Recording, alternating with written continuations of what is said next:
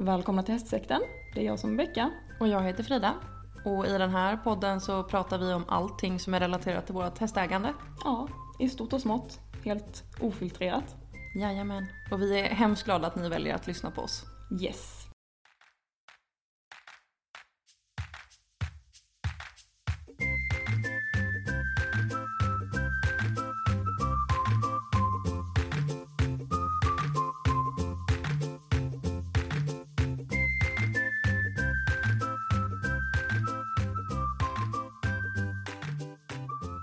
Who's back?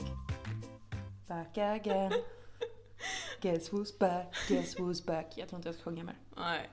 Välkomna tillbaka. Ja, välkomna. Hur mår vi nu då? Jag mår eh, kalasbra. Ja. Det är vår. Ja, alltså det är så underbart. Visst blir man mycket piggare och mycket gladare typ direkt alltså? Man blir mycket, mycket lyckligare. Jag tog av hästarna täckena idag så de får gå som nakenfisar.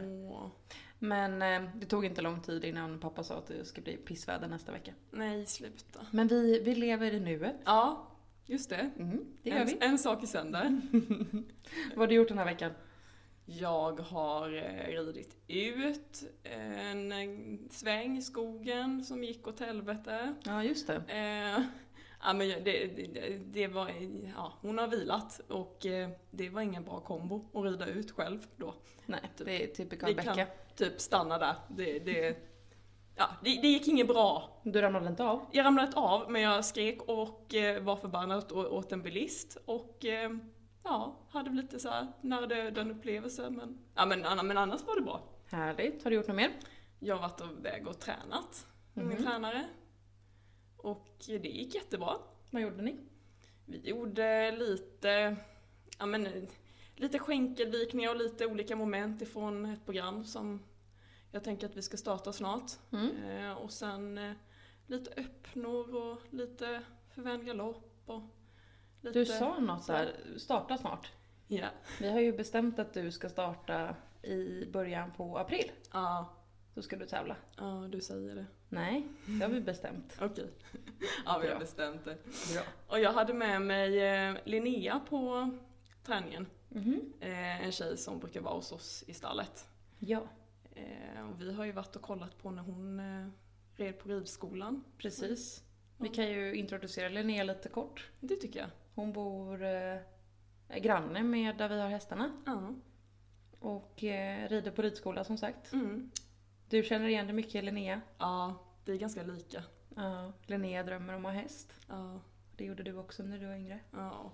Red på ridskola också. Ja. Kämpade hårt. Ja. Ibland när man kommer till stallet så är Linnea där, eller så har Linnea varit där och mockat. Mm.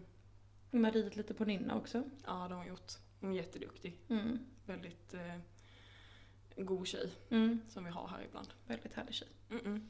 Ja, så du har varit och tränat och du har varit ute och ridit i skogen? Ja, det är typ det. Eh, Vi har spelat lite Mario. Mario Kart har vi spelat. Mm, det har vi gjort. Ja, nej men eh, vad har du gjort för någonting då? Du har ju gjort ganska mycket. Eller du har mycket att prata om. Jo men det har hänt mycket. Jag har ju tävlingsdebuterat förra året. Ja, Du var med. jajamän. Lisa var med och Becka var med. Jag har nog aldrig känt mig så väl omhändertagen på tävling. En groom och en tränare med mig. Mm. Fantastiskt. Mm. Jag tror knappt jag behövde tänka själv för det var alltid någon som tänkte åt mig. Jag satt och skrittade fram och sen så räknade Lisa när jag skulle gå in på framhoppningen och Becka stod där. Vill du ha vatten? Ska jag putsa din stövel? Det var väldigt bortskämt så det var tacksamt. Mm. Eh, Jag var ju och tävlade Mackan.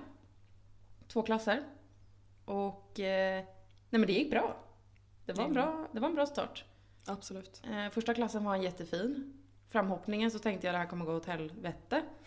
Eh, För att jag red på hindret och typ när jag tar andra eller första eller andra språnget så lägger han världens boxserie efter. Han var ju rätt het. Mm. Det är han ju i vanliga fall också, men han var väldigt het. Så jag tänkte att jag kommer inte kunna få stopp, men han var jättefin i, första klassen. När jag gick i mål så hade jag en eh, träningskompis mamma. För jag skrek herregud för han var så stark på sista hindret. Eh, och då svarade hon, jag trodde precis att du var där. Ja. Eh, andra klassen hörde man mig mest ho, ho, ho, ho, ho, ho. Ja, Ja. det gick väldigt fort. Jag fick lägga en volt i omhoppningen.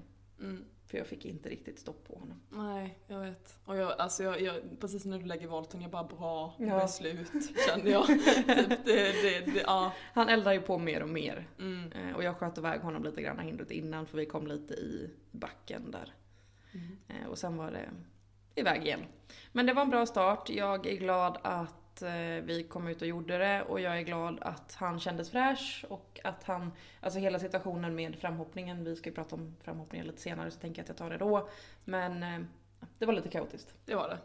Jag, jag kände typ när jag stod där vid sidan av att jag är glad att jag står här och att jag inte håller på med hoppning. typ så kände jag. Ja, en dressyrframridning är mycket trevligare än vad en hoppframridning är. Lugnare i alla fall. Ja, verkligen. Ehm, mer än det, jag eh, har ramlat av Det har du gjort med. första gången på mackan. Och jag tänkte att när jag ramlar av mackan så kommer det vara för att han lägger en eh, bockserie. Mm. Och jag flyger all världens väg. Det var inte det som hände. Det var egentligen inget fel. Jag red galoppbommar. Eh, rider in på galoppbommarna och det gick väldigt fort så jag vet inte riktigt vad som händer. Men han snubblar över bommarna och är på väg ner. Jag tror aldrig att han gick ner på knä för jag kunde liksom inte se att han var grusig eller... Nej. Han fick någon bom mellan sig. Typ, Ja, han fick bommen med sig mellan frambenen eller bakbenen, lite oklart.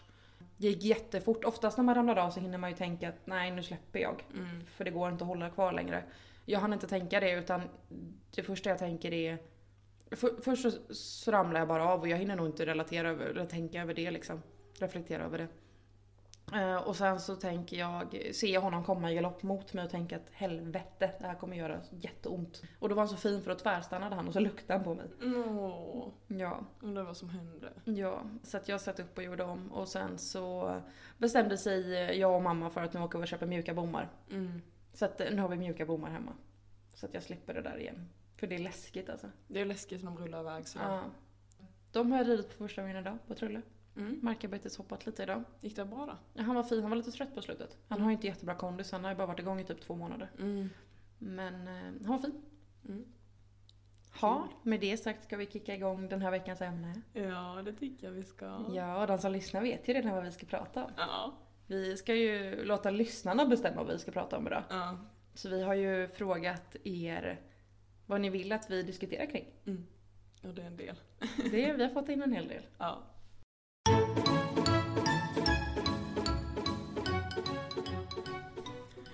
Ja, vi har ju fått in massa frågor och ämnen som eh, våra lyssnare vill att vi ska prata om. idag.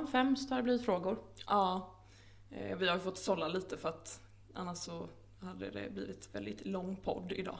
Ja, och en del var lite annorlunda. Ja, det skulle man väl kunna säga. Eh, och vi kommer ju välja att hålla alla frågor anonyma. Ja, Eller alla frågeställare anonyma. självklart. Ja. Ja, Ska vi eh, köra igång på en gång eller? ja men det gör vi. Då drar jag första då. Mm. Roligaste, läskigaste och värsta ni har varit med om relaterat till häst? Oj. Roligaste. Alltså den är så här definitionsfråga för så här roligt, roligt för att man har roligt och skrattar och det är kalas liksom. Eller roligt för att det är någonting som går bra. Den är jättesvår. Eller hur? Jag kan typ inte välja en. Nej, jag har också svårt med den för Alltså bland de roligaste, roligaste sakerna jag gjort tycker jag är distansutmaningen. Ja, det var kul. För den var rolig liksom. Eh, Mm. Men samtidigt så har man varit på väldigt roliga tävlingar och sånt också. Mm. Där det har gått bra. Man har varit lyrisk liksom efteråt. Jag tänker också förknippat till något tävlingsminne men jag har svårt att sätta liksom ett minne för det beror nog på Alltså jag har ju olika minnen med olika hästar liksom. Mm. Jag kan inte välja en som är bättre än den andra. Nej, Nej, jättesvårt. alltså jag, eh, ett av de roligaste minnena är väl ifrån eh, i somras när, eh, när Nynna placerade sig första gången. Ja, För att då blev jag så stolt typ över henne. du var ju typ i chock. Ja, jag var Du typ var inte chock. beredd på den. Nej, så jag typ började gråta. Ja. Ja. Det är väl det som är det roligaste. Kan du komma på något? Nej men alltså jag tänker, det finns ju en hel del som är jätteroligt kopplat till att man har ridit unghästar typ. Mm. Och de har gjort bra runder liksom. Mm. Sen är det väl typ någon kvalklass kanske som jag red med semlan. Ja. Ja, där någonting. Och typ att komma igång och börja tävla igen. Men jag kan typ inte sätta en grej. Nej. Mackans debut kanske. Den var väldigt rolig. Mm. Men den ligger ju så nära liksom. Det kanske inte är det absolut roligaste jag varit med om någonsin. Nej, jag förstår det. Nej, jag kan inte välja en. Man tänker så, ja, jag kan inte heller riktigt. Läskigaste då? Oh. Läskigaste. Alltså man har ju suttit på hästar som har skenat Ja. ett par gånger. Ja. Det är ju inte skitkul alltså. Har du någon riktigt läskig upplevelse kopplat till eh, alltså ett minne liksom? Ja, den här är ju läskig samtidigt lite rolig. Mhm. Nej men den är rätt läskig. Alltså, jag red viking Mm. och så var jag och en kompis ute eh, i skogen någonstans och sen så kom vi upp vid en gård där det gick lamor. Okej. Tror du hästen hade sett lamor innan? Nej, jag tänker att de nog inte har det. Nej, och det gick ganska tung trafik precis intill där. Ah, kul. Ja, då eh, ställde sig han upp i ett dike. Mm. Så då fick jag typ hoppa av samtidigt som han ställde sig rätt upp. Ja. Och då körde lastbilar och lamerna sprang på andra sidan. Det var ingen rolig situation. Det var Nej. det är jävligt äckligt alltså. Mm. Ja. Jag har ett liknande minne. Jag var ute i skogen med eh, en gammal klasskompis till mig. Hon hade ridit lite grann på ridskola. Ja. Och jag hade min eh, snälla semlan och Dunder. Och hon red Dunder. Han var ju verkligen, han var ju typ 18-19 år då och jättesnäll. Eh, och hon följde med mig ut i skogen och vi håller på och skrittar precis kommit in en bit i skogen när vi ser två kalvar, alltså älgkalvar. Mm. Och hästarna stelnar till men vi får dem ändå gå lite framåt och sen får jag någonstans i bakhuvudet där. Jag bara men du, vänta nu, vart är mamman? Eh, sen tvärvände hästarna efter det vet jag och skenade. Och jag hade så dåligt samvete för jag hade ju tagit ut min kompis som kanske, ja men hon hade ridit en hel del men inte jättemycket liksom. Nej. På en varsin skenande häst. Uff, fy fan. Ja, värsta då? Men alltså den är ju lite kopplad till läskigt kanske eller? Ja, de är ganska lika. Jag har en som jag absolut spontant tänker på. Alltså när det gått dåligt kanske? Eller vad tänker du? Nej, värsta saken som har hänt för mig är ju kopplat till unghästar båda gångerna. Ja. Men det är ju två fall där jag har haft en unghästar som har gått över med mig. Mm. Och i det första fallet så visade det sig att den här hästen hade ryggproblem senare. Mm. Men hon reste sig. Och det är också det, när unghästar reser sig så har inte de världens balans kanske. Nej, det är äckligt. Eh, Så hon reste sig och gick över och på något sätt hamnar jag liksom under mellan hennes framben där hon ligger ner över mig. Mm.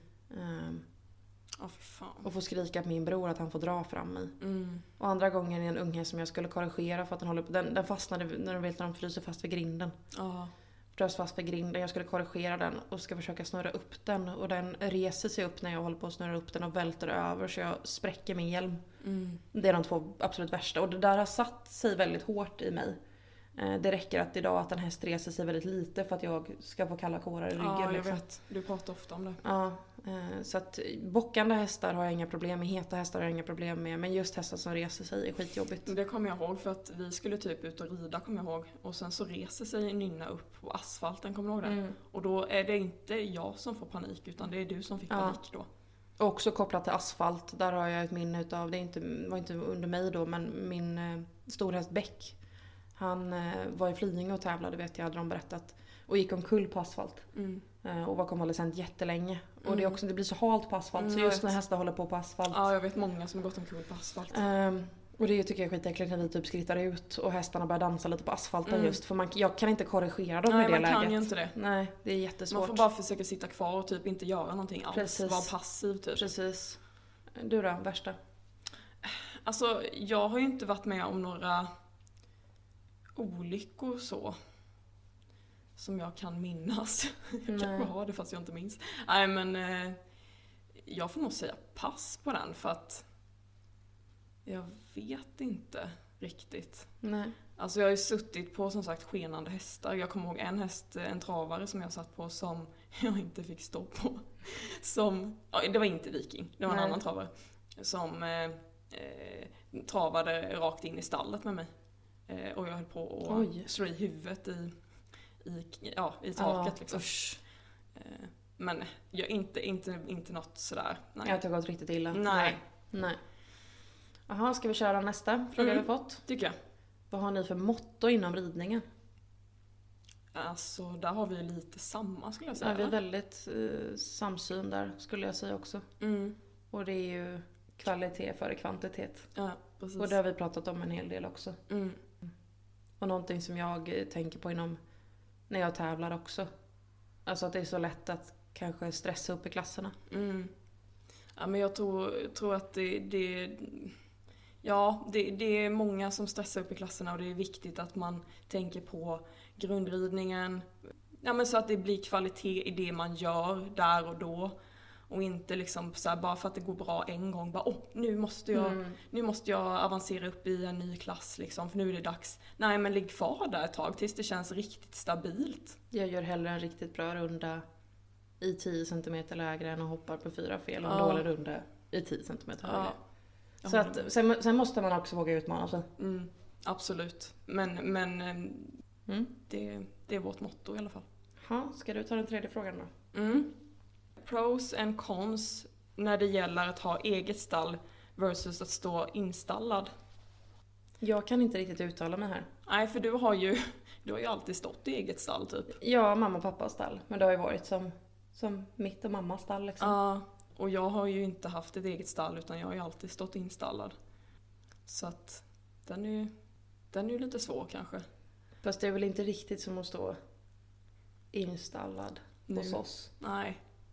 Det är väldigt familjestall. Ja, det är sant. Det här känns ju mer, alltså inte att det är mitt stall på något sätt men kanske mer, Men det är väl ditt stall också? ja, Känner du inte det? jo, Jo. det gör jag. Mycket Alltså jag har ju bara sätt. fördomar mot att stå installad. Men det är ju för att man har hört så mycket skit. Mm. Alltså jag har ju tänkt, jag hade ju jättegärna ställt mitt stall med fantastiskt eh, stort ridhus och ridbana liksom. Mm. Men eh, dels så tycker jag att det är väldigt skönt att ha hästarna nära. Mm. Och sen har jag hört så mycket skräckhistorier så att... Ja, alltså jag har stått i en del stall och det har varit både fördelar och nackdelar skulle jag vilja säga. Ja. Alltså fördelar har väl varit att man kanske har många saker som ingår i, i stallhyran så man kanske inte behöver tänka på mer än att komma dit och, och rida och fixa liksom, mockning och sånt. Mm. Det är ju ett jättebra Mm. grej liksom när man inte har tid och så. Så är det ju kanon. Men nackdelarna är ju, det är väldigt mycket åsikter när det är många hästmänniskor som samlas på ett och samma ställe. Jag tänker att det är lite som så föräldrar som har barn. Mm, Och det finns ingen som har samma tanke om hur man uppfostrar sitt barn eller Nej. tar hand om sitt barn. precis.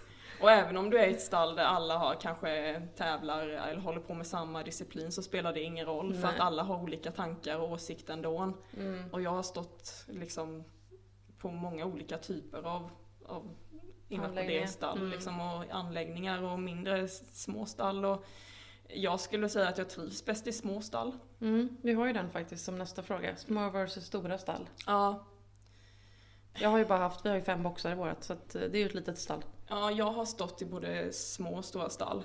Eh, och alltså stora, stora äh, Jo men ett stort stall stod jag i och det stället var väldigt bra. Och jag, hade, jag kan väl inte se att det fanns några nackdelar där. Däremot så blev man lite så här en i mängden. Mm. Eh, och man visste knappt vilka alla var typ. Lite så. Sen har vi nästa fråga, den är alltså då fördomar mot hästraser och exempel på när dessa krossas. Alltså att de exempelvis tävlar eller liknande. Mm. Jag tänker på en grej spontant och det är ju eh, skäckar inom hoppning. Alltså stor, när man pratar om stora hästar. Mm. Det finns ju inte så mycket skäckar. Nej det gör det inte. Men det är ju faktiskt en skäck som har blivit godkänd hingst nu så det är jättekul. Det kanske kommer fler skäckar framöver. Det sitter ju inte i färgen liksom. Nej. Vad tänker du då? Med fördomar mot hästraser? Jag har en hel del fördomar mot hästraser tror jag. Ja, det har nog alla. Men jag är nog kanske mer öppen än Mm, många det är andra. Definitivt. Du har en PRI och du har haft en knabb. Knabbstrupper Ja. och en travare liksom. Ja. typ värsta man kan se på en tävling. Och jag var såhär, jag ska bara ha SVB. Nu har jag faktiskt en BVP. Ja. Det känns stort för mig. Ja. Nej men jag, eh, jag har väl alltid tyckt eh, att sådana hästar är roligare. Mm. Jag vet inte varför men jag ty ty tycker det är lite roligare, lite an an annorlunda än det man kanske är van vid. Eh, och ja, det finns extremt mycket fördomar. Mot travare finns det ju hur mycket som helst och man ser ner på folk som har travare och eh, det, det krossas många gånger, gör det ju. Eh, jag har läst massa reportage om olika raser som lyckas i både hoppning och dressyr. Jag vill minnas att det fanns en ardenner som tävlade typ medelsvår typ medelsvår eller något sånt där. Mm. Med fina resultat. Jag kommer inte ihåg vad den här hästen hette men travare har jag sett som tävlar typ 1,30 hoppning och Mm. alltså, ja, lite sånt. Men ja, fördomar finns det ju överallt. Mm. Nästa fråga är alltså, kan inte leva utan prylar?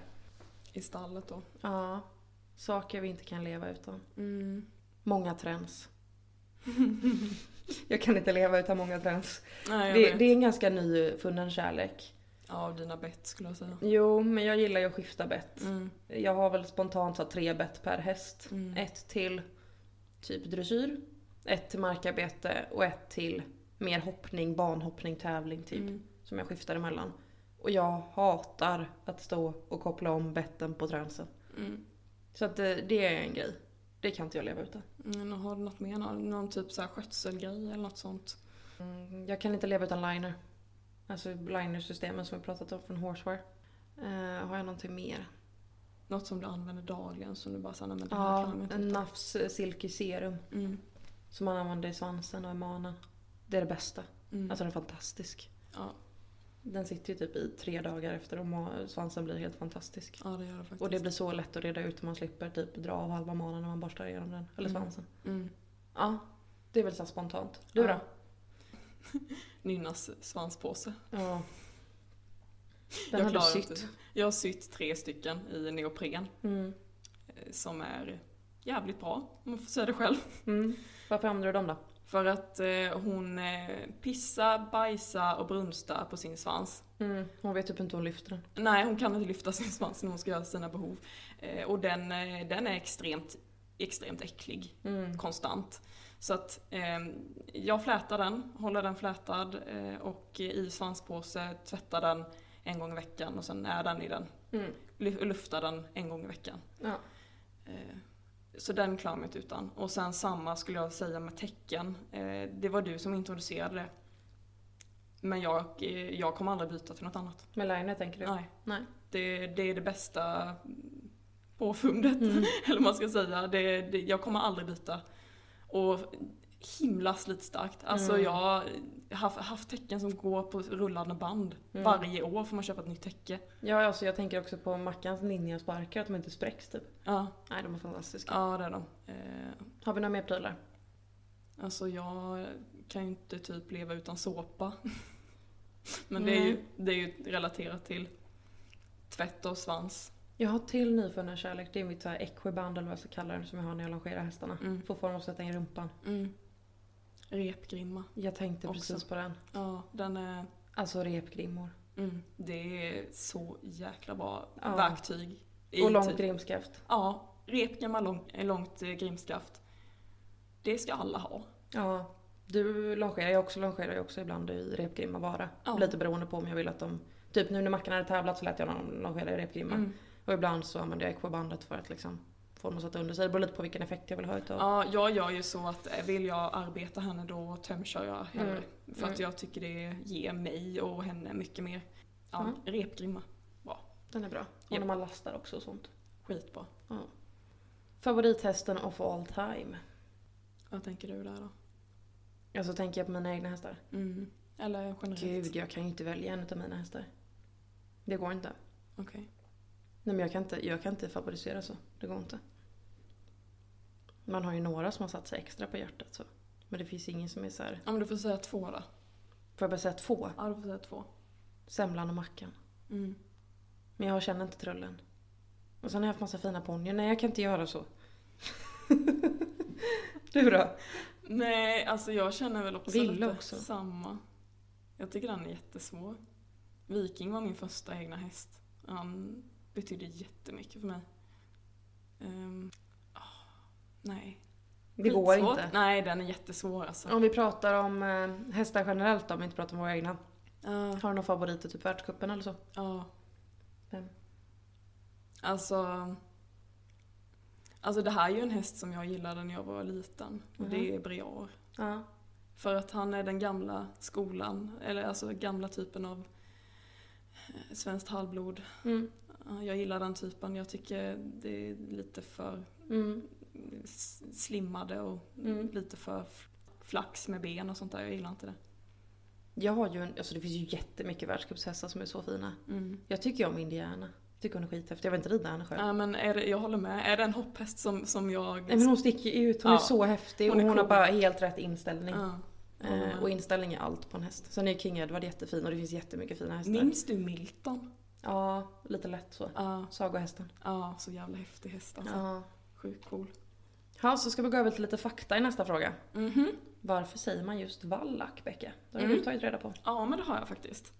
Nej men alltså, det går ju så här mycket traditioner av eh, när det kommer till användandet av olika ord och de består ju väldigt länge. Mm. Alltså så är det ju, det är massa konstiga ord som Mm. vi inte vet egentligen var de härstammar ifrån. Eh, och ordet vallack härstammar ifrån tyskans vallack, som, ja det låter. Wallach. Wallach, eller ja Wallach, jag vet inte. Och det betyder häst från eh, Valakiet, alltså södra Rumänien. Jaha. Eh, och fråga mig inte varför egentligen, det var det enda jag hittade. Det jag kan tänka mig är väl att man kanske började med att eh, kastrera hästar där. Mm. För att vad jag hitt, alltså något mer jag hittade var att det typ spred sig ifrån från typ, vad är det, östra Europa. Just att kastrera hingstar liksom. Eh, och sen lite OT typ. Under 1700-talet så värvde kungen i Sverige invånare från just Valakiet till kavalleriet. När dessa de, inte deltog i kriget så fick de då sköta hästarna och kastrering av hingstarna. Okej. Det är typ det jag har hittat Okej. när det kommer till den frågan. Sen har vi en eh, fråga till och den är eh, lifehacks i stallet. Mm. Jag älskar lifehacks. Så Ja. har ni några lifehacks så får ni jättegärna skicka dem. Mm, jag älskar det med. Ja. Allt som underlättar i stallet är Ja, fantastiskt. och jag tycker att vi är lite dåliga inom ridningen eller ridsporten. Och dela med sig. Nej men också på att så här, utveckla grejer som Ja. är... Jag tycker det är jättedåligt Ja, det är det verkligen. Och finns det någonting så kostar det typ 3 miljarder liksom. Ja, ja men jag pratade med eh, Linnea i stallet eh, häromdagen om den här vågen som heter typ höbjörn. Ja. Alltså Skitsmart men svindyr. Ja, men jättedyr. Mm. Och så orimligt dyr för en sån grej. Mm.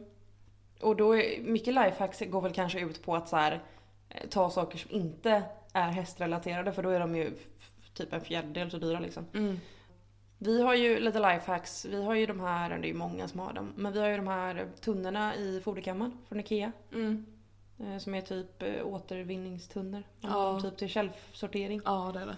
Och sen har vi satt plankor, alltså vi har ju två som en hylla typ emellan. Precis. Så att de verkligen inte står på varandra för då går de sönder jämt. Mm. Och det är många som har dem, men de rymmer mm, en fodersäck, Ja, morötter. Ja, Två säckar morötter går i dem. Ja, precis Eh, typ. Alltså ja. det blir lite... Och man kan köpa, vi har de stora till fodret och sen har vi lite mindre till typ mineraler och sånt. Och salt och sånt. Ett lifehack som du kom på förra vintern var ju bra, fast Ja. det är ju det du hittat. Jag hittade det på Instagram eh, och det var en tjej som la ut att hon, eh, när det är snö ute, eh, hur hon eh, liksom eh, ska ja, slippa bära vatten i dunkar Mm. till hagarna. Så då tar man ett grimskaft runt handtaget till dunkarna och sen så drar man alltså dunken efter sig. Det går mycket smidigare. Man kan dra två dunkar efter sig också. Ja, ja gud ja. Det, det är jättesmidigt och du eh, får inte ont i ryggen eller alltså det är inte ens jobbigt liksom. Nej, Inte ens i en, i en uppförsbacke tycker jag det är kämpigt. nej. Sen finns det ju, om man vill dra den så hade man kunnat gräva ner slangar och sånt också. Ja, Men eh, nu har vi det inte så. inte. Vad finns det mer för lifehacks kopplat till stallet? Jag tycker att ett lifehack som vi upptäckte i vinter det är ju hur pappa saltar ridbanan. Ja, gud. För där har vi fått utforska. Och vi slängde ut så mycket salt och det hände absolut ingenting. Nej. Hela grejen är ju att du behöver inte speciellt mycket salt, det går typ 2, 3, 25 kilo säckar. Men det är att man måste harva runt det typ. Ja, vi har såna saltspridare som sitter på fyrhjulingen och sen harvar man ute varje väderomslag. Ja, Så att precis. vi har ju haft en ridbar ridbana hela vintern. Mm. Jag tror jag har haft ja, en gång där det var lite hårt men då gick det ändå att trava. Ja, precis. Har vi några fler hacks? Som underlättar i stallet. Ja, jag vet inte. Alltså- Slow feed i hagarna. Ja, den, den uppfinningen är ju bra. Ja. Den eh, är vi kanske inte, det är kanske inte vi som skapat Nej den från absolut början. Inte, men det är ett lifehack som vi använder i stallet. ja, och det är ju för att vi är här oftast samma tider och då, hästarna behöver ju mat under hela dagen. Precis. Och den eh, är väldigt, väldigt bra. Mm. Sjukt bra. Men det är jobbigt att packa hö i jättestora hönät Mm. och stänga dem. Det är jobbigt. Allting kring det där är jobbigt men det är helt fantastiskt att ha det i hagarna. Ja. Så um, den är vi glada för. Mm. Det väl så lite spontant vad jag tänker på lifehacks. Ja, faktiskt. Ha, ska du köra nästa fråga då? Ja. Hur gammal bör man vara innan man börjar rida? Jättesvårt. Jag tycker att det beror väldigt mycket på vad du har för folk runt dig. Ja, verkligen. Alltså jag red ju innan jag typ hade ett medvetande om att jag red liksom. Ja, Men jag hade ju mamma som var hästvan och var med mig. ja, alltså så länge någon kan typ gå bredvid och hålla, hålla i, känner jag. Alltså in- inte, Ja. inte, inte bara hästen utan även den som sitter på. Mitt brors barn Vera har ju ridit sen innan hon kunde gå typ. Ja, det måste hon ha gjort. Alltså rida gör hon ju kanske inte, hon sitter på en häst i alla fall. Mm. Vad är det viktigaste att lära sig när man börjar rida? Vad har man mest nytta av i längden? Viktigaste att lära sig. Den var lite svår. Hand och skänkel. Ja, jo absolut. Det bygger ju liksom hela grunden. Ja, så, jo, Gas och broms. Okej, den var inte så svår. Gas och broms är väl bra. Jag tänker typ... Och någon typ av styrning kanske. ja, Sen jobbar jag ju fortfarande med, med broms. så, så är det ju. Men eh, det är väl någon slags grund. Ja, absolut. Balansen är ju viktig att man eh, liksom lär upp, eller vad man ska säga. Ja, att man kan eh, sitta kvar på hästen är ju bra. Den är bra. Ja. Att man inte tippar åt sidan liksom när Mm. hästen börjar gå typ. kan man bara ha bra balans.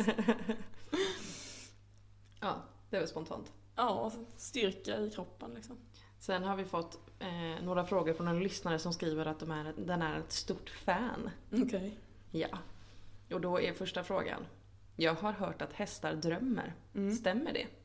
Och där har ju du fått leta lite. Ja, men det har jag fått göra.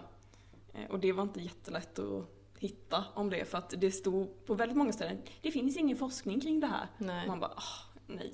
Vad har du hittat då? Men jag hittade faktiskt att man eh, har gjort en eh, tysk studie från universitetet i München, eller ett av universiteten i München. Och där kom man fram till att hästar drömmer. Man har mätt alla faser när en häst sover i ett sömnlaboratorium. Mhm. Och dessa faser visade sig vara helt identiskt med oss människor. Åh. Skillnaden är att de inte sover lika tryggt som oss och vaknar flera gånger under natt och sover inte lika länge. Mm, det kan jag tänka mig. Hästarna hade en nästan identisk hjärtfrekvens eh, som eh, människan under REM-fasen. Och det är ju det stadiet där drömmar blir till. Och det stödjer då teorin att hästar kan drömma. Man har ju häst, sett hästar som så här snarkar och gnägger i sömnen Ja, typ. Så exakt. det tänker jag att de gör. Och sparkar och Ja, kan låta precis. och gny liksom. Aha. Och eh, om de drömmer, vad drömmer de om då?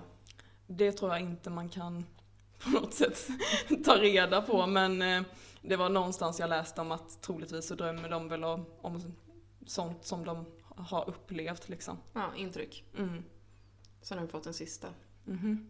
Kostar era hästsaker samma belopp som ni säger till era killar? Frida, saltar du någonting? Nej, däremot så kan jag översalta för att det ska låta bättre. Typ som igår, Mm. när jag åkte och köpte mjuka bommar. Så frågade min sambo, jaha, vad, vad kostar såna då? Ja, tusen kronor per bom. Och han bara, "Ja. För han tycker att det är rimligt. Så sa jag till honom att de kostar inte, absolut inte det. Kostar Mm. typ 400 spänn per bom. Och det tycker han är rimligt. Så att han har nog levt med mig så pass länge att han, han reflekterar inte så mycket över det tror jag. Nej, jag är nog ganska ärlig tror jag. Jag är också väldigt ärlig faktiskt. Så jag frågar han kanske inte alltid. Nej, det är inte, det är inte min man heller faktiskt men nej, jag, jag, ja, allt kostar väl precis som jag säger. Ja. Jaha, varför ska hästen ha olika mineraler och hur vet man vad som är bäst för sin häst? Mineraler är ju så omdiskuterat. Och Ja. vi är ju inte foderexperter. Nej, verkligen inte. Jag tänker att jag har en filosofi med mineraler. Okej. Och foder överlag och det är typ håll det enkelt. Mm. För jag tror att det går att gå vilse i den djungeln jättemycket. Och mycket av grejerna har kanske en del som är bra men väldigt mycket som du inte behöver ge till din häst. Mm. Och det är väl precis samma sak som med kosttillskott till oss människor liksom. Det är mycket placebo skulle jag säga. Det jag är glad för det är att vi har ett analyserat hö. Mm. Så vi vet ju faktiskt exakt vad vi behöver lägga till för mineraler kopplat till det. Ja, alltså när eh, vi får analysen så brukar ju typ, ja du eller din mamma fråga mig av någon anledning, men jag tycker sånt är intressant. Och sitta och läsa vad det är som, som Mm. behöver kompletteras. Och jag använder kraft så jag brukar kontakta kraft och be om hjälp och sen får man ju utgå från det och se på sin egen häst liksom. Mm. Jag ger ju till exempel biotin som tillskott för att Mackan har haft, hans hovar växer inte riktigt som jag hade önskat. Nej. Eh, Så han får lite extra biotin. Mm. Inget liksom hovpreparat utan ren biotin. Jag tror att man många gånger ska gå tillbaka, lite som du var inne på, till det här basic. Ser du att hästen eh, ja, tappar glowet i pälsen eller lite matt. Eh, alltså eh, sådana bitar och hovar, kvaliteten på hoven. Alltså man ser ju på sin häst vad kanske det som saknas. Ge, vad ger du för mineraler och tillskott till dina? Jag ger bara simpel mineral, alltså Mm. från, eh, vad heter det, Hip, Hippo va? Jag Mm. köper, jag köper all, all foder från Hippo. Det är det som jag har märkt eh, funkar bäst på henne och det är för att Hon är sjukt kräsen. det, det, hon äter det nu, sen vet vi inte om ett Hon är som ett barn. Ja, sen tänkte jag ta upp en annan grej som jag läste om. Man eh, pratar ju mycket om att man ska ge B-vitamin ju. Mm.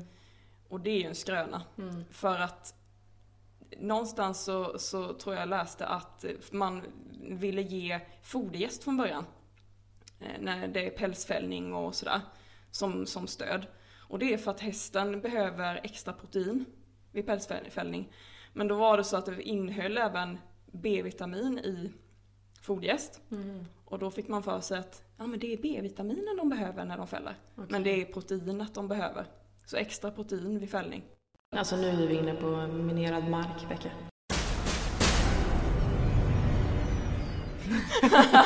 Det här är ju så sjukt mycket olika teorier vad folk tycker funkar bra till sina hästar. Så är det ju. Jag har väldigt enkelt, mina får mineral, biotin, lite salt. Så jag vet hur mycket salt de får i sig för Ja. de svettas ju.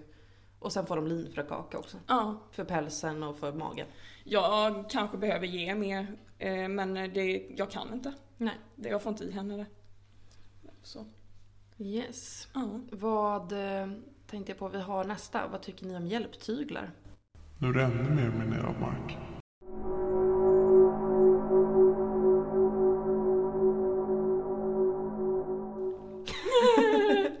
Vad tycker vi om hjälptyglar? Mm. Alltså i, i fel händer så skulle jag säga att det är stjälptyglar.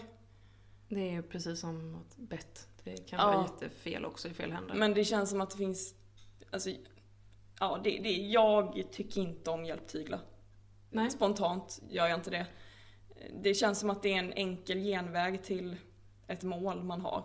Ja. Sen kan jag väl tycka att vissa kan vara bra i vissa situationer. Typ som Gramman eh, kan vara bra.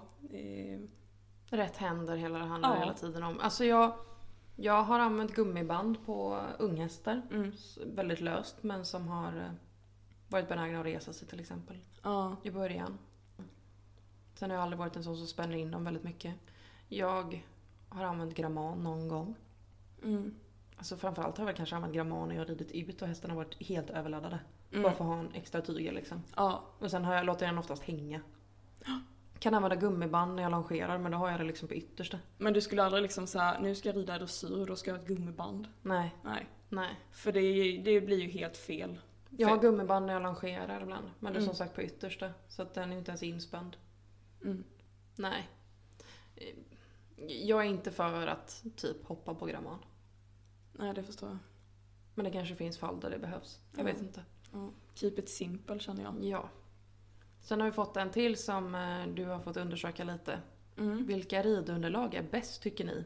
Och Oh, shit. Alltså, eh, jag kan inte säga vilket underlag. Jag, jag tycker, för mig så handlar det mycket framförallt om att ett underlag inte ska släppa när jag hoppar. Och att det ska finnas en viss stuns i det så det liksom inte är statiskt så. Ja.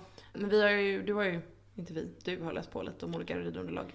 Ja, det har jag gjort och hittat lite på lite olika sidor. Jag hittade någon artikel från Hipson och någon från Ridsport och någon från någon återförsäljare. Och, Mm.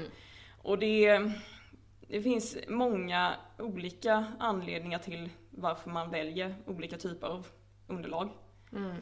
Ja men alltså många behöver ju ställa sig frågan typ när man väljer då ett underlag hur ofta används banan och till vilken disciplin. Olika discipliner kräver olika underlag och uppbyggnad. Mm. Alltså uppbyggnad underifrån i underlaget då. Jag tänker att ett underlag aldrig är bättre än den som sköter det. Nej men så är det ju absolut och det var väl mycket det jag kunde hitta också, att det, det är mycket underhåll liksom som kräver. Mm. Eh, och det, ja men det finns ju olika discipliner och olika tyckanden om, om vad man vill ha. Mm. Så att det finns inget rätt eller fel egentligen. Men de, jag hittade ju då, jag tror det var fyra, ja men typ fyra, de fyra vanligaste. Mm. Och då har vi ju fibersand. Japp. Och det har trendat länge för hoppryttare, Japp. fick jag fram. jag Japp. vet inte varför, men det kanske du vet. Ja men de flesta stora banor har fibersand. Ja, för att fördelarna som jag hittade var ju då att det är bra grepp, att Ja. det går att svänga snabbare. Ja, ett bra skött fibersandunderlag är jättetrevligt att rida på. Ja, och nackdelar är att det kan bli ganska stumt. Mm. Det kan bli rätt packat och hårt. Och sen är det svindyrt. Sen är det svindyrt. Och det sitter fan ta mig överallt när du har varit och ridit på fibersand. Ja. Man hittar fibersand i trosan efter liksom. Ja, typ. Det fanns ju typ något annan, någon annan typ av fibersand som jag hittade som man använde typ utomlands, men jag kommer inte ihåg vad det var, men det var en annan sammansättning typ. Alltså Okej. det, det, Ja det är ofta olika det, sammansättningar och är he, det, ja. det är en vetenskap. Sen har vi klenflis och det är det man, typ det vanligaste man kan se på, i ridhus, eh, alltså den äldre typen av ridhus kanske. Eh, Det mest traditionella underlaget som, och många läste jag om att det hade återgått till detta igen efter att ha haft fibersand för de tycker att det blir mindre snubblingar och det är billigt. Men sen finns det ju nackdelar med det också, det är att det förmultnar. Och Mm. det blir ju då att man behöver fylla på det hela tiden. Och sen så kan det ju bli ganska halt att rida på. Mm. Det kan jag tänka mig i typ hoppning och sånt, att Mm. snäva svängar och sånt det kanske inte är skitkul. Sen har vi gummiflis. Mm.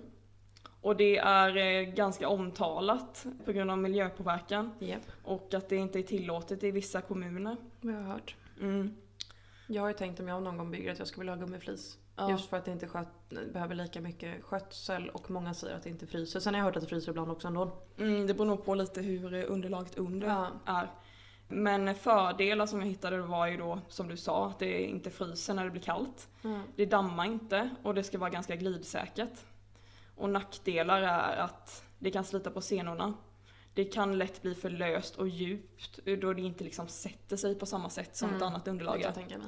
Så det kan jag förstå. Och sen har vi ju då sand och där har vi ju så många olika typer av sand. Det Mm. finns stenmjöl, eh, natursand, sandkross. Sen har vi det här paddex som de har slutat sälja. Ja.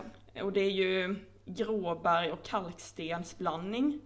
Och det, jag läste mycket skit om det skulle jag vilja ja, säga. det har jag hört också. Det verkade inte Jag har hört folk som har det på sina ridbanor och de är väl inte supernöjda. Det blir Nej. väldigt hårt. Det är Väldigt hårt ja. Och Men, men där handlar det ju jättemycket om olika sammansättningar. För jag pratade med en snubbe som håller på med just det. För vi är ju lite inne på att förhoppningsvis få bygga en hästgård Mm. och anlägga en ridbana då. Mm. Och då var jag inne och pratade om sand. Och då är det ju så här, det, det är inte bara så att man vill ha en sandridbana utan det handlar om så här, toppar med olika. Ja, ja, Ja. det är jätte... Jag är absolut inte expert på det ämnet. Men och det är ju också så här, typ någon skrev så här, åh men stenmjöl är jättebra för det, det blir jättebra. Sen eh, typ ett halvår senare skrev den här människan, ja det blir för hårt, det blir för Ja. eh, stumt och packat. Ja. Så att, ja.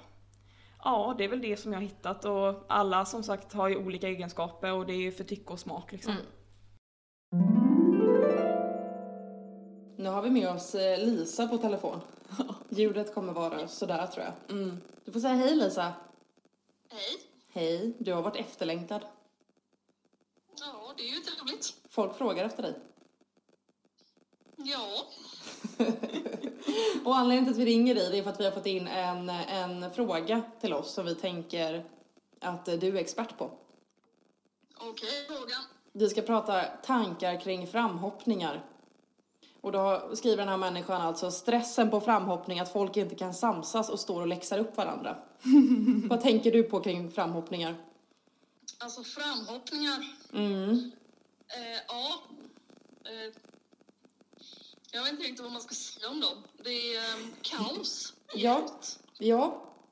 Och jag tycker liksom inte att det spelar någon roll om det är en större eller mindre tävling. Det är typ alltid kaos. Ja, det är det.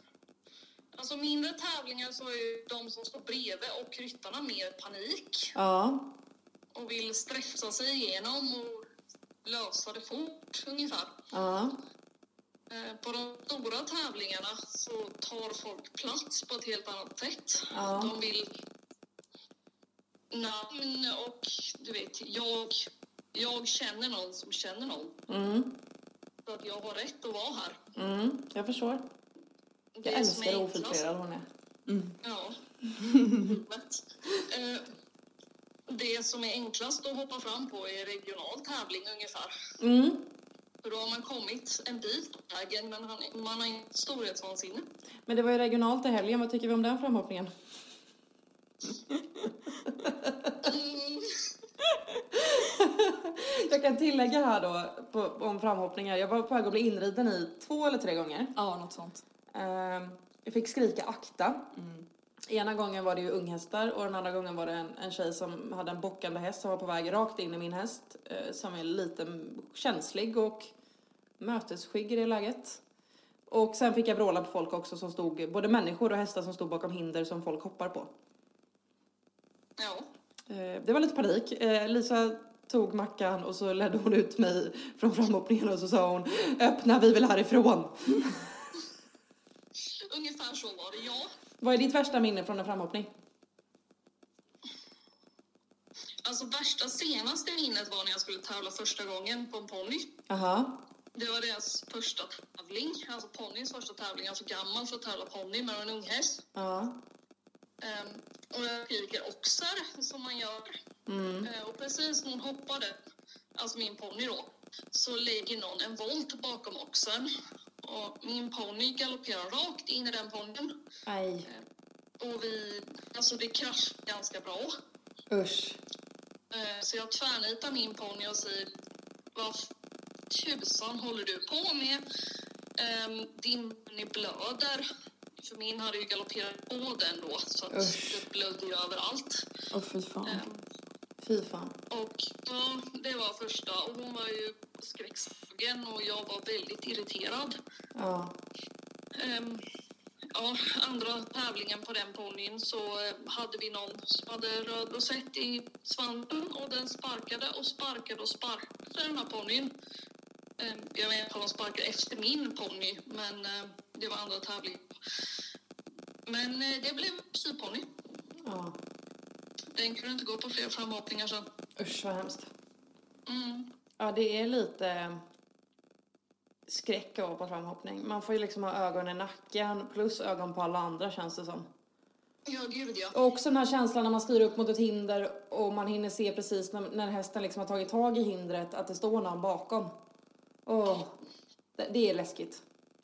Ja, det är det. Sen är det ännu läskigare också att vara, vara med som medhjälpare på en framhoppning typ. Ja, alltså jag kommer ihåg, jag följde med dig.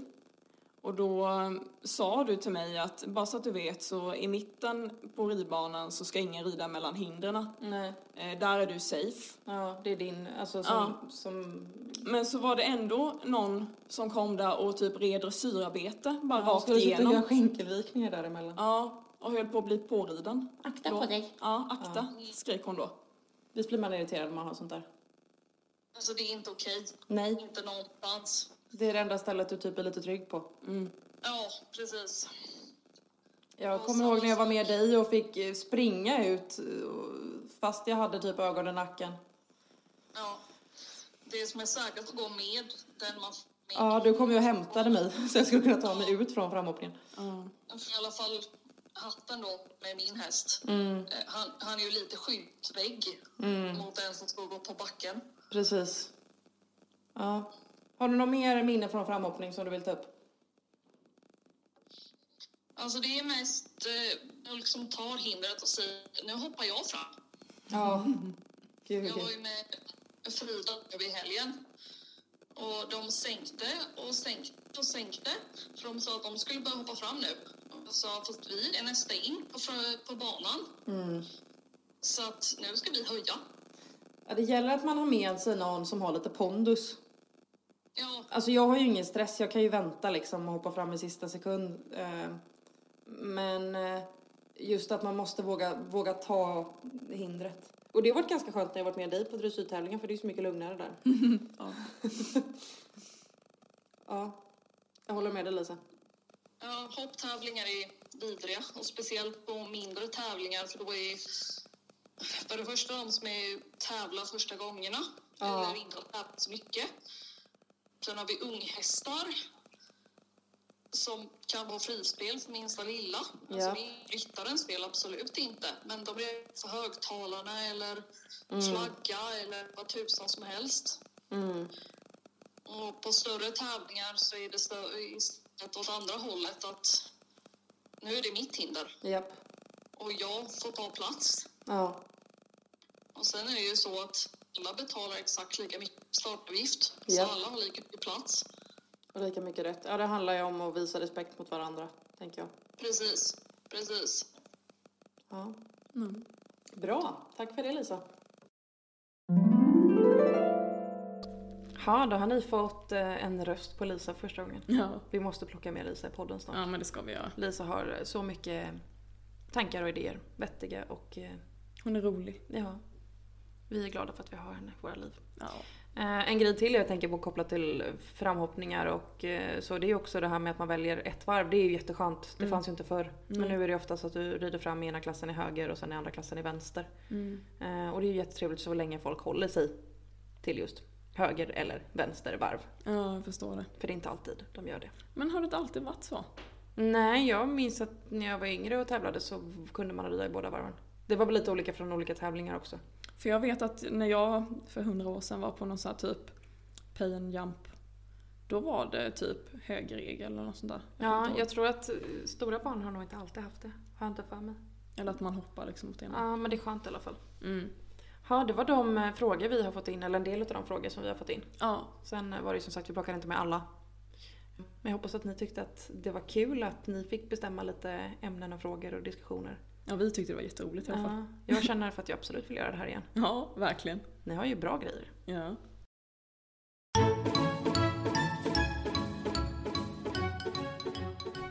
Ja, veckans övning, hur gick det då? Det gick eh, helt okej. Jag behöver finlira mer på den. Ja, Eh, båda hästarna flöt ut lite i, i svängarna Ja. skulle jag säga. I både serpentinbågarna, de här fyrkantiga och, Ja, och de spetsiga Ja. delarna. ja. Jag behöver få dem lite mellan... Eh, Hand och eh, skänkeln typ. Precis. Lite mer rak riktning. Exakt. Ja. Min egen övning däremot, den gick ju bra. Ja. Den eh, gjorde vi tillsammans. Mm. Och eh, den var faktiskt båda hästarna jättefina på. Det enda är väl att Mackan typ eh, tycker att han ska galoppera över travbommar. Mm. Ja och sen så råkade jag ju gå omkull också men annars gick det bra. Nynna hade lite problem med avstånden där på mitten. Ja du fick in två och en halv varje gång. Ja, Men travbommarna och galoppbommarna gjorde hon jättefint. ja det gjorde hon.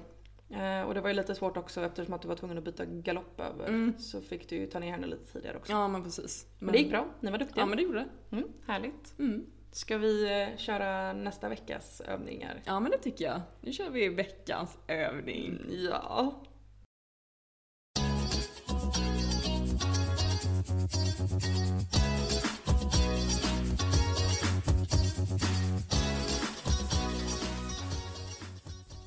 Ja men alltså efter så tänkte vi att eh, vi skulle köra bara övningar från Hipsons böcker ju. Vi, efter. Hedan efter. Eh, Ja, det blir bara Hipsons böcker. ja men precis. De är ju inspirationskälla för både dig och mig. Det är de. Och eh, det finns väldigt mycket både hoppövningar och dressyrövningar. Ja, det är olika böcker. Mm, det är det. Eh, Och eh, den här veckan så har jag hittat en övning som heter lösgörande 8 med skänkelvikningar. Okej. Som finns på sidan 34 till 35 i boken Takt, balans och lösgjordhet. Okej. Berätta lite kort om den då. Ja men alltså den, den låter väl ganska simpel kanske. Ja. Alltså det, tänk dig en, en åtta, Mm. eh, en vanlig åtta. Men liksom på diagonalerna så gör du en skänkelvikning över till, till nästa. Istället för att rida dem Båge. rakt då helt enkelt. Så Exakt. blir det skänkelvikning. Exakt, och här kan du variera med att göra, göra den från långsida till långsida, alltså så att det blir en kort Ja. åtta. Eh, Och jag, det här är Peter Markner tror jag som, ja det är det, som har eh, skrivit den här övningen. Kul. Och han skriver att, att man ska variera först med skritt och sen kan man börja med trav och med, gör man den i trav så ska man göra den lite, lite större. Mm. Ja, Kan man göra en galopp också? ja det... Det blir byten då men... För jag kan inte rida för vänd. Nej. Det står ju inget om det men det skulle du ju kunna testa. Det kanske blir svårt för att du ska ju över i galopp i skänkelvikning ganska långt ner egentligen. Ja, Du får prova. det låter som en utmaning. Men den, den verkar rolig. Ja. Jag har faktiskt aldrig själv testat Nej. den så jag ska också testa den. Vi tar den bara två. Mm. Jaha, och eh, min övning är också då i Hipsons bok. Mm. Och det är en av deras hoppböcker. Den heter Styrka, kvickhet och lydnad. Mm. Man hittar den på sidan 14 och 15 och den här övningen heter Bomövning för lydnad, styrka och ryttarkänsla. Mm. Och eh, jag visar den för dig Becka. Det är en bomövning där den först lägger in, alltså snett igenom skulle man kunna säga. Ska bommarna ligga. Ja, Ganska långt ner på ridbanan och sen snett igenom. typ Och- halvt igenom skulle jag Ja, säga. halvt igenom åt båda hållen helt enkelt. Mm. Och den första bommarna ska vara 2,7 till 3 meter och de andra tre bommarna ska vara 3,5 till 4 meter mellan. Mm. Och eh, det här ska då hjälpa oss att öva koordination och få ryttaren eh, öka känslan helt enkelt för hur mycket gas och broms som behövs. Jag tänker att den här blir klockren för nynna också där, Sjukt bra övning. där du får jobba både med ga- gasen och framförallt, ja, framförallt gasen. Det här var någonting som min eh, tränare sa, visserligen om travbommar men eh, det här är ju, behövs ju även i galopp. Ja men precis. Alltså att jag skulle lägga ut eh, bommar som jag länger lite på och kortar lite på. Precis, så att du får lite känsla för vilken galopp som behövs. Ja, Och precis. det kommer vara mycket timing här också. Mm. Så att den här tänker jag att jag också ska göra och framförallt eh, smack ska den här bli väldigt intressant att göra med. Alltså det, vi måste göra den tillsammans för jag tror den kommer bli riktigt rolig. Ja, jag tror också den kan bli jättekul. Och sen har vi ju nya mjuka bommar också så att vi slipper Ja, gå omkull. ja jättekul ju. Ja, Ja, så att eh, vi återkommer med resultatet nästa vecka. det gör vi.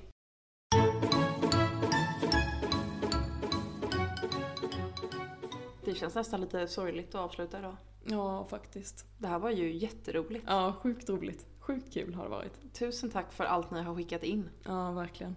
Och Jättekul. eh, ett långt avsnitt blev det. Ja, det blev... Så har ni lyssnat eh, hela vägen hit så tackar vi för det. Ja, det gör vi. Ha, om eh, folk vill följa oss, vart hittar de oss då? De hittar oss på Instagram eh, och där heter vi ju Hastsekten. Och där får man gärna skicka ett DM om man vill. Ja, Och vi finns även på Facebook och där heter vi Hästsekten. Japp. Och där kan man också skicka ett meddelande till oss om ni vill. Ja, om ni har några frågor eller någonting som ni vill att vi tar upp eller Mm, liknande. precis. Det är vi jättetacksamma för. Mm. Och eh, så återkommer vi nästa vecka med ett nytt ämne. Ja, men det gör vi. Ha en fin vecka. Ah, ah. Ha det Hej bra. Tja, tja!